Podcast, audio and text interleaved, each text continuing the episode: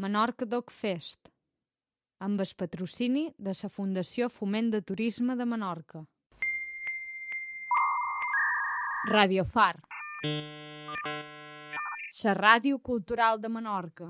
Hola, bona nit. Uh, estem aquí en el Menorca Dog Fest, enregistrant una entrevista a un dels protagonistes d'aquestes jornades de la segona edició del festival.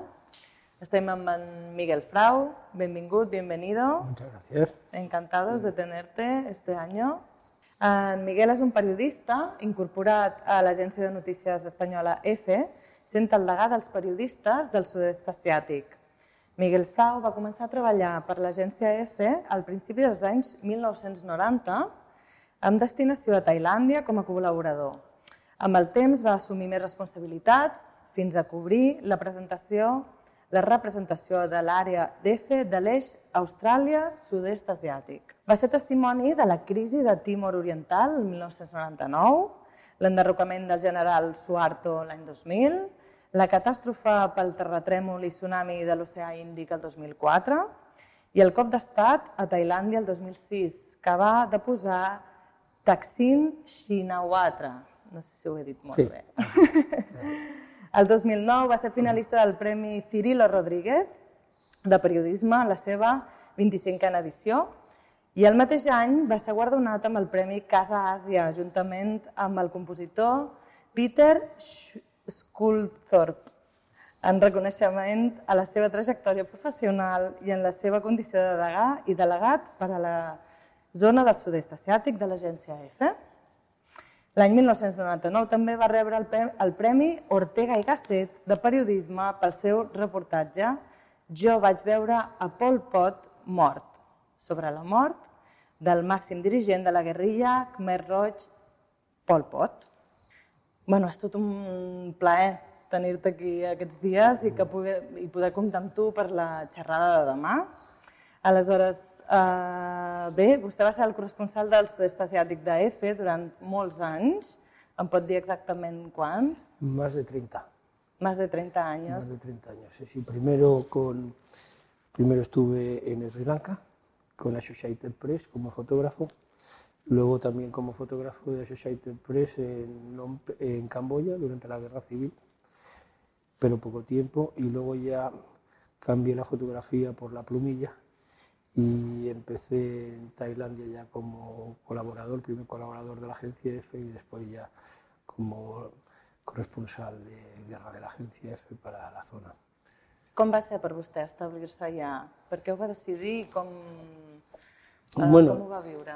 Eh, yo era un chico muy joven, inquieto, inquieto, con ganas de viajar y había leído sobre Asia. Tampoco tenía mucha idea porque no es como hoy en día que existe internet y uno se, se- se informa de todo lo que hay en, en esos países. Pero en fin, yo había visto algunos reportajes, había leído algunos libros y me llamaba mucho la atención Asia, especialmente la India, porque ese era eh, el sitio que yo quería ir. Eh, antes de llegar a la India pasé unos meses en el Pakistán pensando que, que la India era muy dura y que el Pakistán me permitiría entrenarme y ahí que cometí una equivocación porque el Pakistán en aquella época era mucho más duro que la India, Sí, mucho, ¿eh? bastante más duro. Y ahí en la India eh, pues eh, estudié en la Universidad de Benares, Indi, con el propósito de poderme quedar, porque si tienes un visado, un, un visado de estudiante puedes, puedes quedarte en la India, si no, si no de ninguna manera, que cada máximo seis meses si tienes que salir. De ahí me fui a Sri Lanka y fue cuando empecé como periodista, como fotógrafo de Associated Press en la guerra civil que entonces había entre los tigres tamiles y el gobierno cingalés, al que luego se sumó el ejército indio.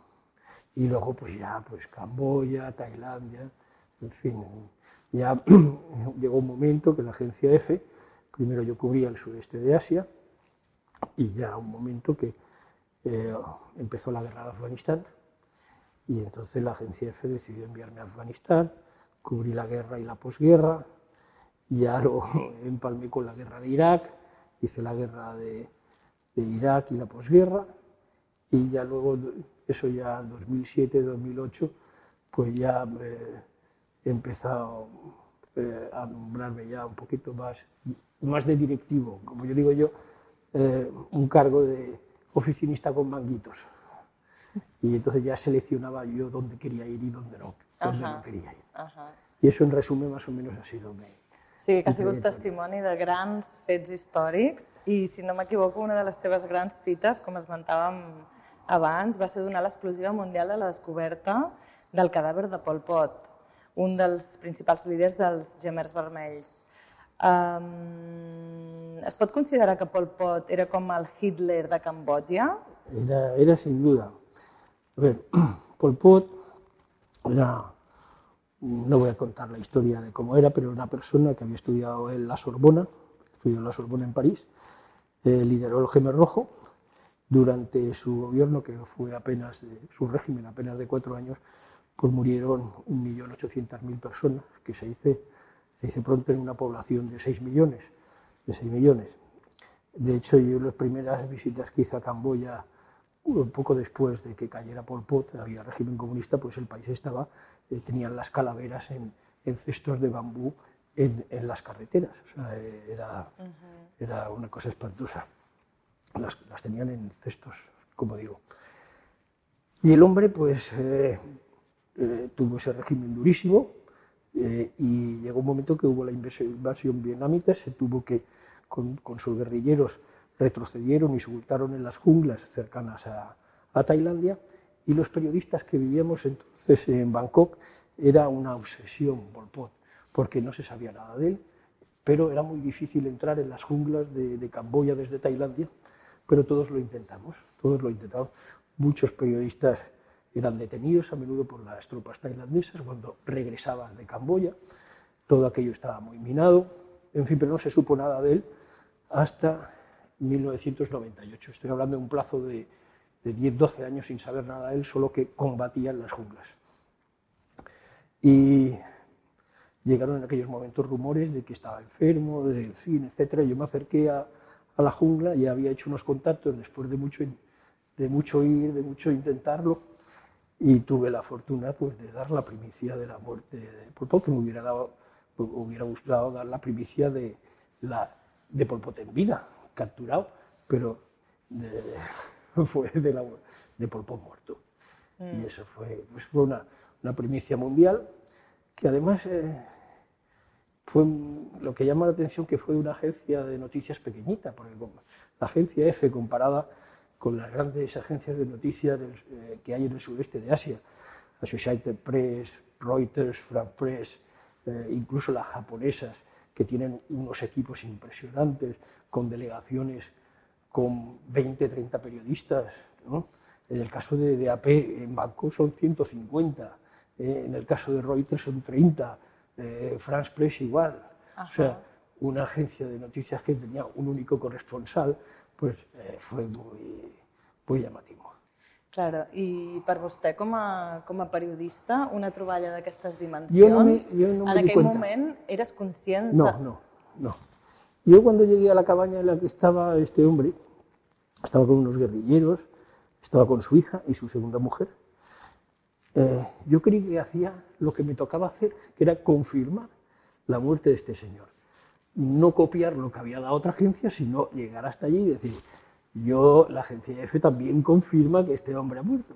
Y cuando yo salía de la jungla, salía de la jungla, pensé que le habían dado todas las agencias internacionales. Lo que ocurre que a- al empezar a escribir, una vez escrita la noticia, me llamaron, mi redactor jefe me dice, oye, ¿estás completamente seguro de que era por Pot? Es que no lo ha dado ninguna agencia. A ver si te has colado. Eh, te tiemblan las piernas, tal, pero luego ya a la noche ya vi que, que el resto de las agencias internacionales venían a la aldea donde yo estaba y venían con todos sus despliegues, sus furgonetas, sus parabólicas, y esto. Tiene que ser que, que sí, Efectivament, havia sigut el que primer. sí, que sí.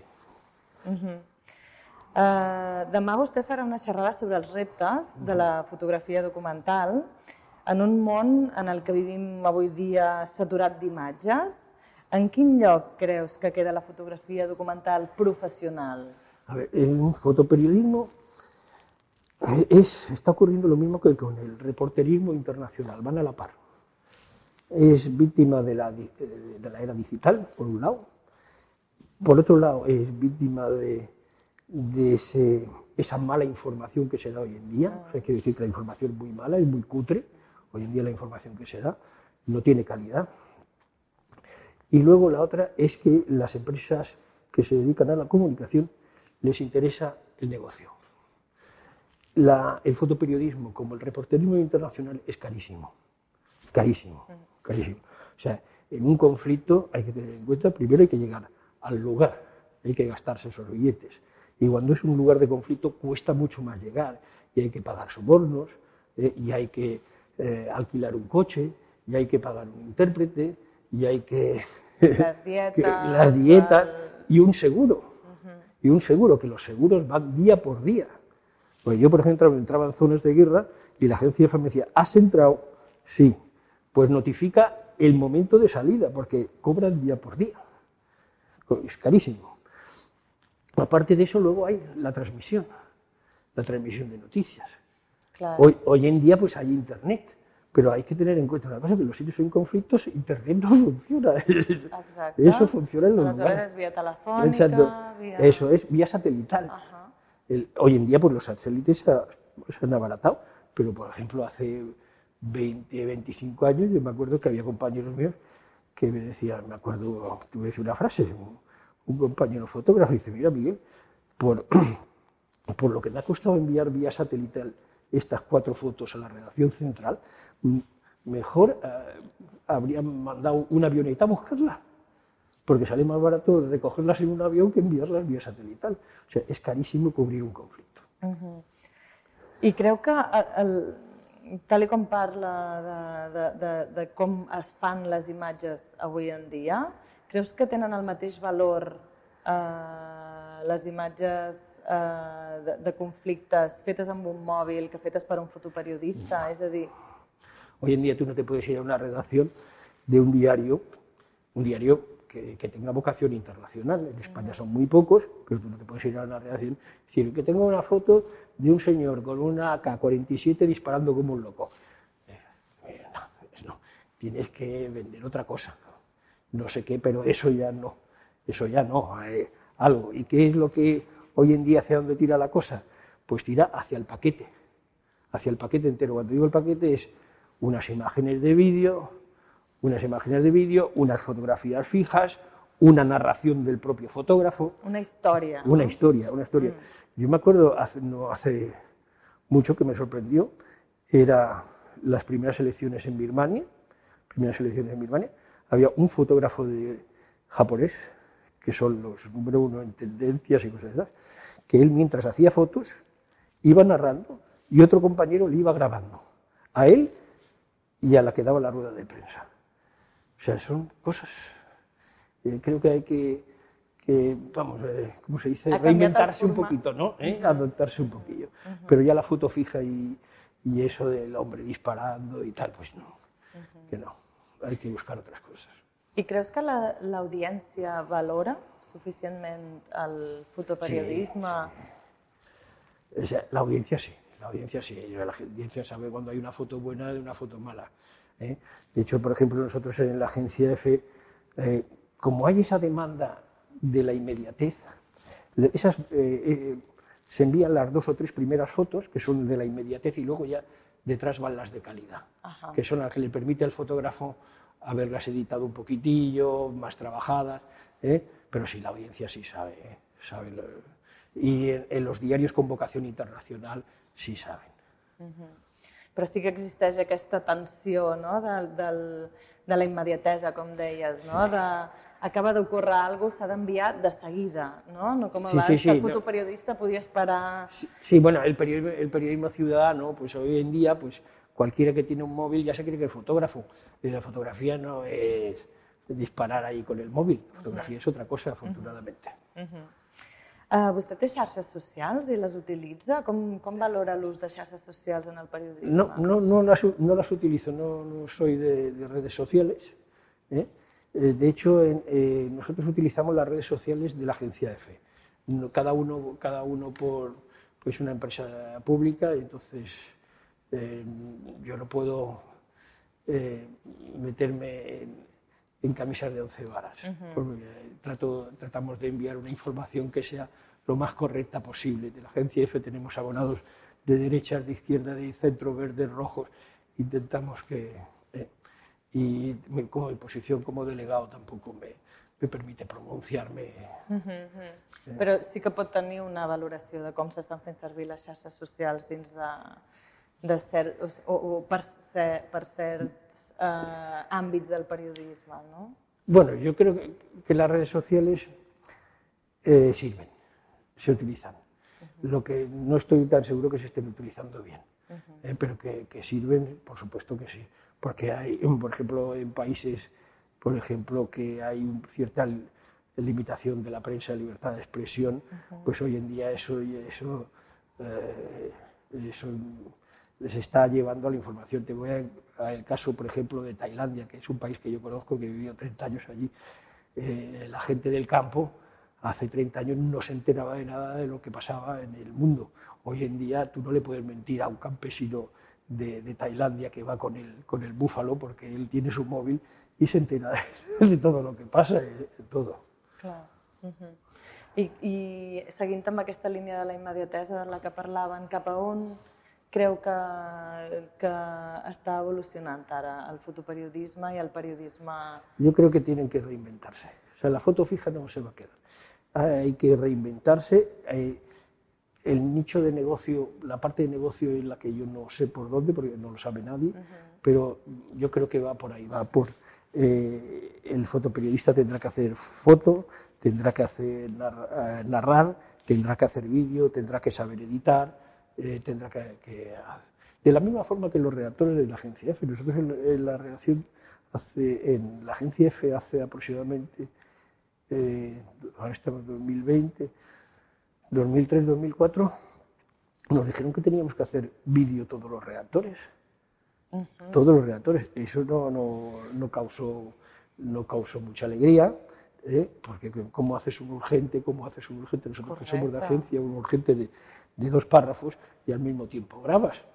Pero poco a poco eh, nos hemos ido adaptando. Quiero decir, por ejemplo, nos han enviado a las delegaciones el teléfono móvil, por lo menos la primera imagen, si hemos sido testigos de algo importante, por lo menos tenemos la primera imagen cantada con un móvil, por lo menos eso. Y creo que, que hay que adaptarse a los tiempos que vienen. Reptes i reciclatge. Exacto. Molt bé. Doncs moltíssimes gràcies, Miguel. Eh, encantats de tenir-te al Menorca Doc Fest i merci per aquest temps. Radio Far. La ràdio cultural de Menorca. Menorca Doc Fest. Amb el patrocini de la Fundació Foment de Turisme de Menorca.